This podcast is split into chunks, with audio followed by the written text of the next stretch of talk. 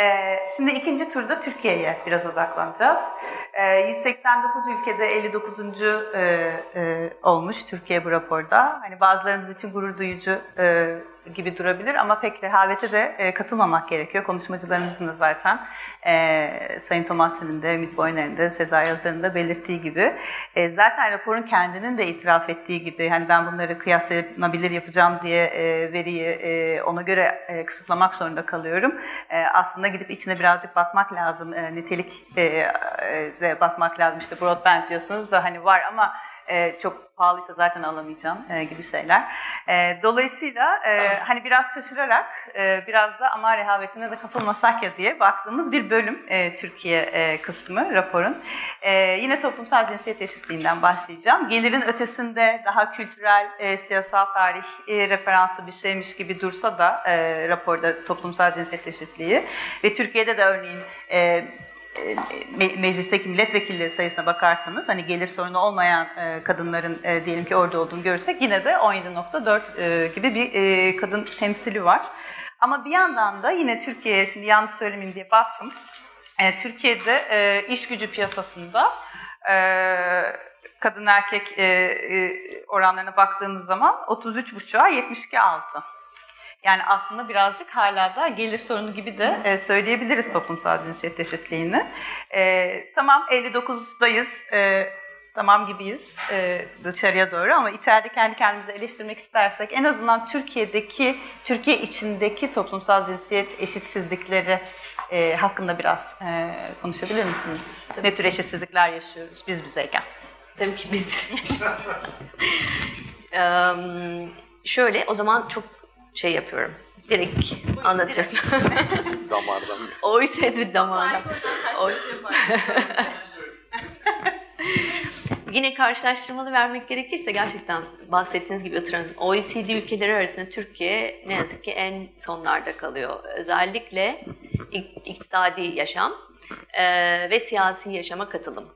Bunlar da tabii birbirinden aynı şeyler değil. Yani sizin eğer emeğiniz görünmüyorsa Politikalarda da görünmüyorsunuz. Siyasi yaşamda yani parlamentoda, mecliste de görünmüyorsunuz. Sesiniz duyulmuyor. Dolayısıyla e, politika yapımında da yoksunuz ve sonra o tekrar görünmeyen emeğe katkıda bulunuyor. Yani bu kısır döngü e, ne yazık ki devam ediyor. Türkiye'de en temelde, yani en kritik olanlar evet temel eğitimde e, gelişmeler oldu.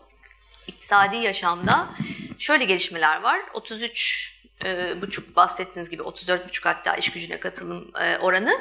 İstihdama erişimde kadınlarla erkekler arasındaki fark korkunç. Yani Avrupa Birliği ve OECD ile karşılaştırdığınızda kadınların halen işte onda üçü mü? Yüzde 35. Üçü sadece iş gücüne katılırım diyor. Yani bu şey anlamına gelmiyor, çalışıyor anlamına gelmiyor. Ee, daha sonra hangi havuzda yer alacak? İşsiz mi, çalışan mı? İşsizlik oranı olasılığı çok daha yüksek kadınlarda ve şimdi kriz yılının üzerine de çıktık Ekim 2019'da. 16.4 olmuş kadınlarda. Tarım dışına baktığınızda 5 kadından biri %20'nin üzerinde. E, dolayısıyla işsiz havuzunda yer alması çok daha olası. Yani bu katman katman gidiyor. E, daha sonra çalıştığınız iş, işte e, insanca koşullara sahip mi değil mi? Daha çok kayıt dışı çalışıyorsunuz, daha çok ücretsiz aile işçisi olarak çalışıyorsunuz veya ev işlerinin uzantısı olan işlerde düşük ücretlerle çalışıyorsunuz. E, kardeş kuruluşunuz, İLO'nun çıkardığı bir rapor vardı bu e, cinsiyet uçurumu özellikle ücretlerde. E, Türkiye orada da öz, annelik ücret açığında ve e, kadın erkek ücret açığında da çok e, iç açıcı resim vermiyor. Ama en temelde eşitsizliğimiz belki e, bir grafik gösterebiliriz. En temel eşitsizliklerimizden biri arkasında yatan yani bu çok basit bir grafik ama kadınlar Türkiye'de iş gücüne katılımı evet %35 ama çalışmıyor anlamına gelmiyor. Ç- çalışıyorlar fakat daha çok karşılıksız hane içerisinde çocuk bakımı, yaşlı bakımı, e, hanenin yeniden üretilmesi, çocukların bağımsız haklarını, hukuku bilen çocuklar olarak yetiştirilmesi değil mi? Hepsini kapsayan bir şey karşılıksız e, emek. E, bu anlamda raporda da yaşam döngüsü analizi var. E, bu çalışmada zaman kullanım anketlerinden çıkıyor. Şimdi hocam Levent Hocam da kaynaklardan bahsetti. Aslında doğuşta pek çok kaynağımız eşitsiz ama belki de en eşit sayılabilecek bir kaynağımız e, yaşam süresi ve 24 saat. Günde 24 saatimiz var. O 24 saat eğer çok eşitse hepimiz için onun nasıl dağıldığı aslında çok etik bir mesele haline geliyor. Yani nasıl harcıyorsunuz? Çalışıyorsunuz, çalışma yaşamına katılıyorsunuz ama hangi koşullarda katılıyorsunuz? Neler yapıyorsunuz? Ki biz çalışma yaşamını çok geniş algılıyoruz. Yani ekonomiyi, e, iklim, ekonomik bir problem gibi görünüyor, ayrı tutuluyor gibi değil. Aslında ekonomi çok doğayı işte karşılıksız olarak doğadan ve aynı zamanda e, karşılıksız yeniden üretim cephesinden beslenen ve onun ayakta duran bir sistem ekonomi. Aslında buzdağının tepesi.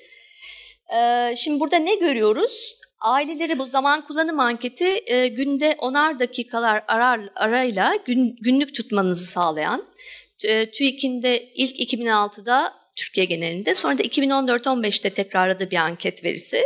Pek çok faaliyet var içerisinde. Yani boş zamanlarınızı nasıl geçirdiğinizden tutun, uyku, kendi e, bakımınız için geçirdiğiniz e, zaman, e, dini faaliyetler vesaire pek çok ayrıntıda spor, televizyon izleme gibi şeyler hepsinin kaydedildiği bir anket. E, burada aileleri biz yaşam döngüsüne göre ayırdığımızda yani e, çift ilk e, kadın erkek ev, evli ki ankette zaten evli olmayan partnerler pek yok Türkiye'de ne yazık ki çıkmıyor temsili olarak. Çocuksuz çift tanelerden başlarsak küçük çocuklu haneler çocukların 6 yaştan küçük daha sonra ergenlik daha sonra yetişiyor ve çocuklar yuvadan uçuyor ve sonra emekli hane olmaya dönüyorsunuz. Kadınlar emekli olsalar bile erkeklerin dört katı evde zaman harcıyorlar. Ee, küçük çocuklu hanelerde yani aradaki fark hep açık. Fakat küçük çocuklu hanelerde bu kriz çok net ortaya çıkıyor.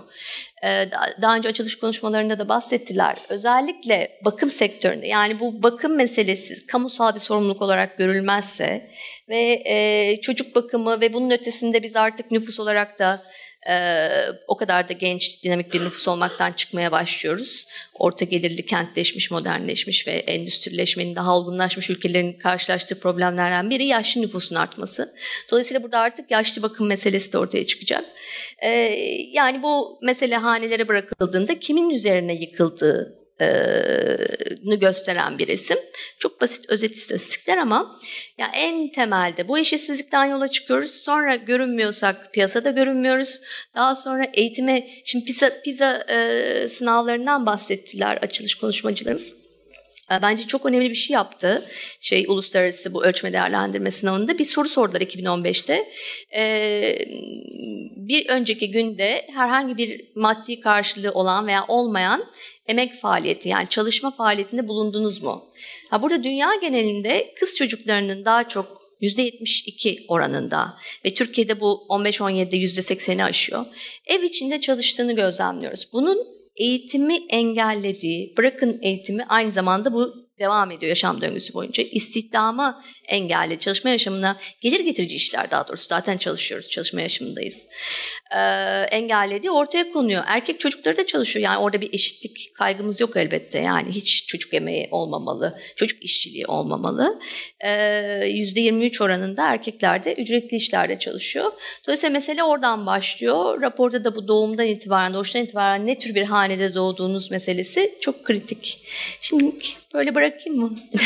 ben teşekkür ederim. Sağ olun. Ee, hemen ben iklime... beceremedim. Ee, sizin mikrofonunuz çalışıyor sanırım. Hemen iklime e, dönüyorum. Türkiye'de çevre ve iklim eşitsizliklerinin ne kadar farkındayız? Ee, ve en çok kim etkileniyor bundan? Ee, şimdi şöyle, iklimin çok güzel bir tarafı var. Ben hep kötü şeyler söylüyorum ama hepimizi beraber öldürüyor. Yani ben hani bunda ben şundan öleceğim falan yani onda eşitiz. O onda herhangi bir sorunumuz yok çünkü sıcaklık arttığı zaman e, hepimiz eşit durumdayız. Bu, bu iklimin güzel tarafı. Yalnız şöyle bir şey var ülkemizde e, bunun farkında değiliz. Tamamen farkında değiliz. Mesela iklim değişikliğine karşı İstanbul'da afet yönetimi yapan arkadaşlar nasıl bir önlem alıyorlar biliyor musunuz? Böyle sıcaklık çok yükseldiğinde ne yapacağız? Ee, daha fazla imama ihtiyacımız var dediler. Daha fazla cenaze kaldırılması gerekeceği için. Yani aldığımız önlemler bu seviyede önlemler. Onun için de bizim açımızdan ya problemin daha biz farkında değiliz. Biz o kadar başka şeyle kavga ediyoruz ki kendi hayatımızda iklim niş bir konu. Yani nasıl olsa olacak. Şimdi bazı şeyleri söylediğimiz zaman da aa canım olmaz artık o kadar da diyorlar. İşte ben bir kitap yazdım son buzul erimeden diye. Ee, bir gazeteci geldi. Peki dedi son buzul eridiğinde ne olacak? İyi soru. Ee, Taksim dedim ada olacak. Ondan sonra herkes ayağa kalktı. Ya efendim Taksim ada olur mu? Olur. Çünkü hani biliyorsunuz bu finiküleri kullanmışsınızdır. Finikülerin tam böyle şeye girdiği noktada, tünele girdiği yerde yanında şöyle bir yazı vardır. Burası deniz seviyesinden 60 metre yüksektedir diye. Yani dolayısıyla Taksim Meydanı yaklaşık 70 metre deniz seviyesinden. Ve hani bir ortaokul problemi olarak veriyoruz. Diyoruz ki dünyada işte şu kadar buz var, bu kadar kilometre küp. Antarktika şu bu. Bunların hepsi eridiğinde dünyadaki deniz miktarı da belli. Bu kadar kilometre kareye böldüğümüzde bir tane sayı çıkıyor. 0.85 gibi bir şey. Yani bütün buzlar eridiğinde deniz seviyesi 85 metre yükselecek. Ee, Taksim'de böyle tek ayağımıza basarak ayakta duruyor olabiliriz. Ve bu hani işin güzel kısmı hepimizi eşit etkileyecek. Ha ama şöyle bir problem var. Şu anda yavaş yavaş bunu görmeye başladık e, ekonomik imkanları daha yüksek olan bireyler yurt dışına kaçıyorlar. Yalnız bunda da çok garip bir şey var. Yani bunu çok özel, iyi bir şeymiş gibi lanse ediyoruz. Ben bir epey sene oldu Unuttum gazetenin hangisi olduğunu onun için isim vermeyeyim. Bir tanesinde röportaj yapıyoruz. Bizim mühendisliğin çatı katındayız. En son fotoğraf çekmeye geldiler. Fotoğrafçı ya hocam dedi çok korktuk biz burada anlattıklarınızdan ya dedi. E dedi ne yapacağız peki dedi. Kuzeye göç sen gençsin daha dedim. Nereye göçeceğiz dedi. Ya Norveç, İsveç, Sibirya. Tamam dedi ben yırttım bunu. Ne oldu dedim. Be, benim eşim Sibiryalı dedi. Tamam dedim sen bitirmişsin zaten göç Sibirya'ya. Ee, çarşamba günü minideydi. Pazar günü gazete çıktı manşette. Hoca dedi ki Sibiryalı tavlayın. Şimdi e, bu kadar basitleştiriyoruz problemleri. Yani Türkiye'de de bizim çok ciddi önlemler almamız gerekiyor ve bu önlemlerin uzaktan yakından haberimiz yok ne yapılması gerektiğine. En önemli problemimiz de bu ama avantaj eşitsizlik açısından bakıldığında vurduğu zaman hepimiz gideceğiz beraber. İyi bari. O zaman daha çok yerel lansman talep ediyor panel UNDP'den böyle bir tür.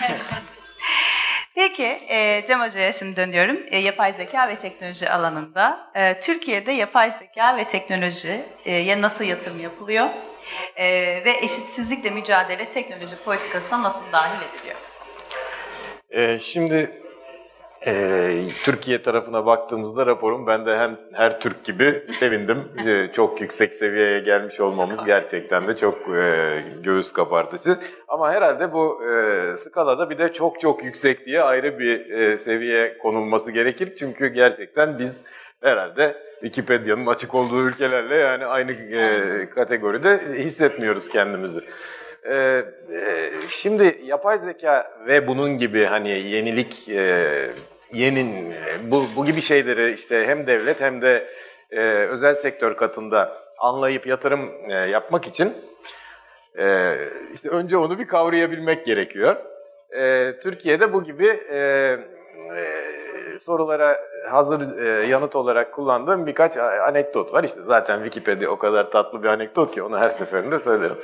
E, şey var, e, sanırım 16-17 yıl önceydi. E, ben bunu canlı e, şekilde tan tanık olduğum için çok süper bir duyguydu gerçekten bir bilgisayarcı için. Ee, devlet memurları yani milyonlarca devlet memuruna vaktiyle devletin yaptığı maaşlarından bir kesintiyi devlet işte geri vermeye karar verdi. Herkese işte 122 lira e, para veriyor. Ve de işte e, şöyle verdik diye resmi gazetede yayınladılar. İnsanların TC kimlik numaralarıyla birlikte Böylelikle bizim hepimizin TC kimlik numarasını online, ben yani o, o sayfanın yüklenişini dehşetle izledim, bütün dünyaya verdik. Ee, ve bunun gibi e, bilgisayar bilmezlikten yani hiç olayı anlamamızlıktan e, kaynaklanan bir e, dizi e, durumla e, karşı karşıyayız. İşte şeyi al, e, e, özellikle hani elektronik imza diye bir şey çıktı ya yani onu al ama sağlam olsun diye bir de e, bastır e, o kağıdı da ver filan.